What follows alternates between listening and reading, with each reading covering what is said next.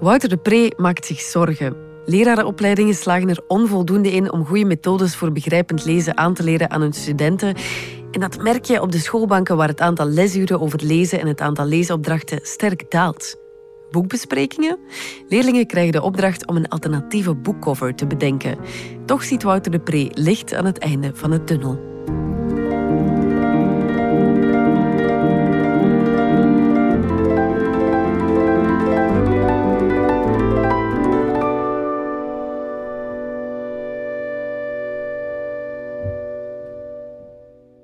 Sommige nieuwsberichten zouden niet in de herfst verspreid mogen worden, als de melancholie toch al bijna niet te dragen is.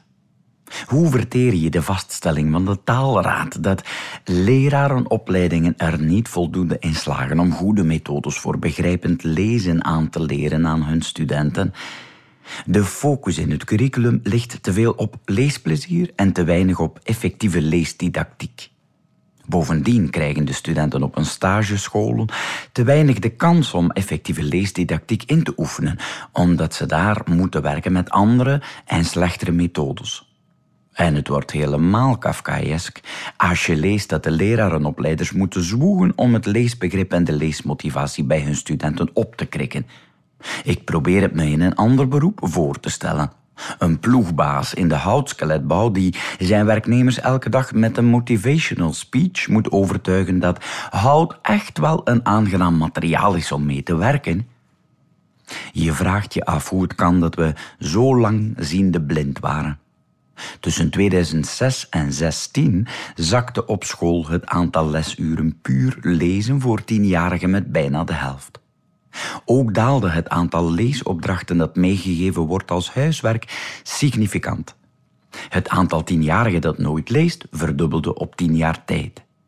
Professor Jan van Damme noemde deze samenloop een aantal jaar geleden onomwonden amateurisme vanuit de koepels.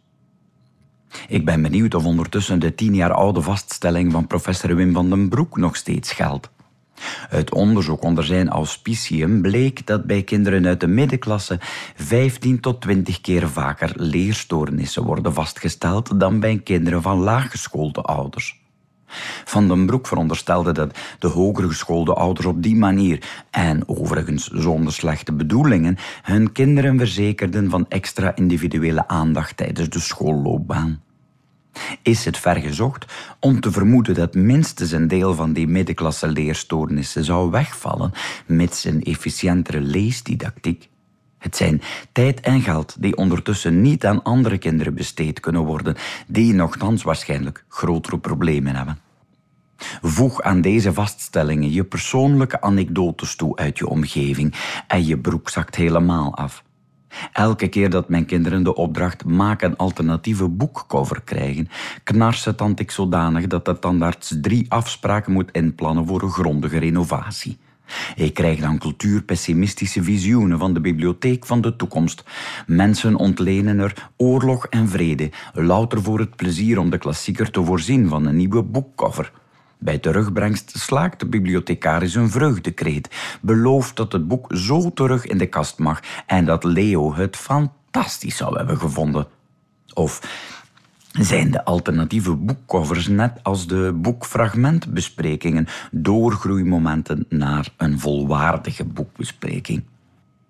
Laat ik het dan toch eens met de blik van een naderende lente bekijken. Misschien moeten we net blij zijn dat er de laatste tijd geregeld nieuwsberichten verschijnen over het dalende leesniveau en de leesmotivatie. Het zijn artikels die een paar jaar geleden de krant misschien niet gehaald zouden hebben.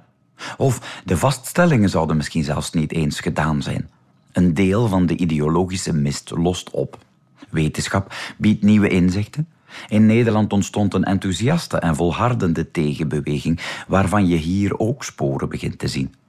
Je kunt hopen dat het allemaal samen zal helpen om de tanker te keren. Ondertussen verontschuldig ik me voor mijn gejeremieer bij de leraars en leraressen die hun leerlingen het Nederlands uitstekend meegeven via prima methodes en met een bewonderenswaardige hartstocht. Ik weet dat jullie talrijk zijn en prachtig werk verrichten. Maar moet je, omwille van de intacte stukken van een magnifieke jas, verzwijgen dat er een mot NZ.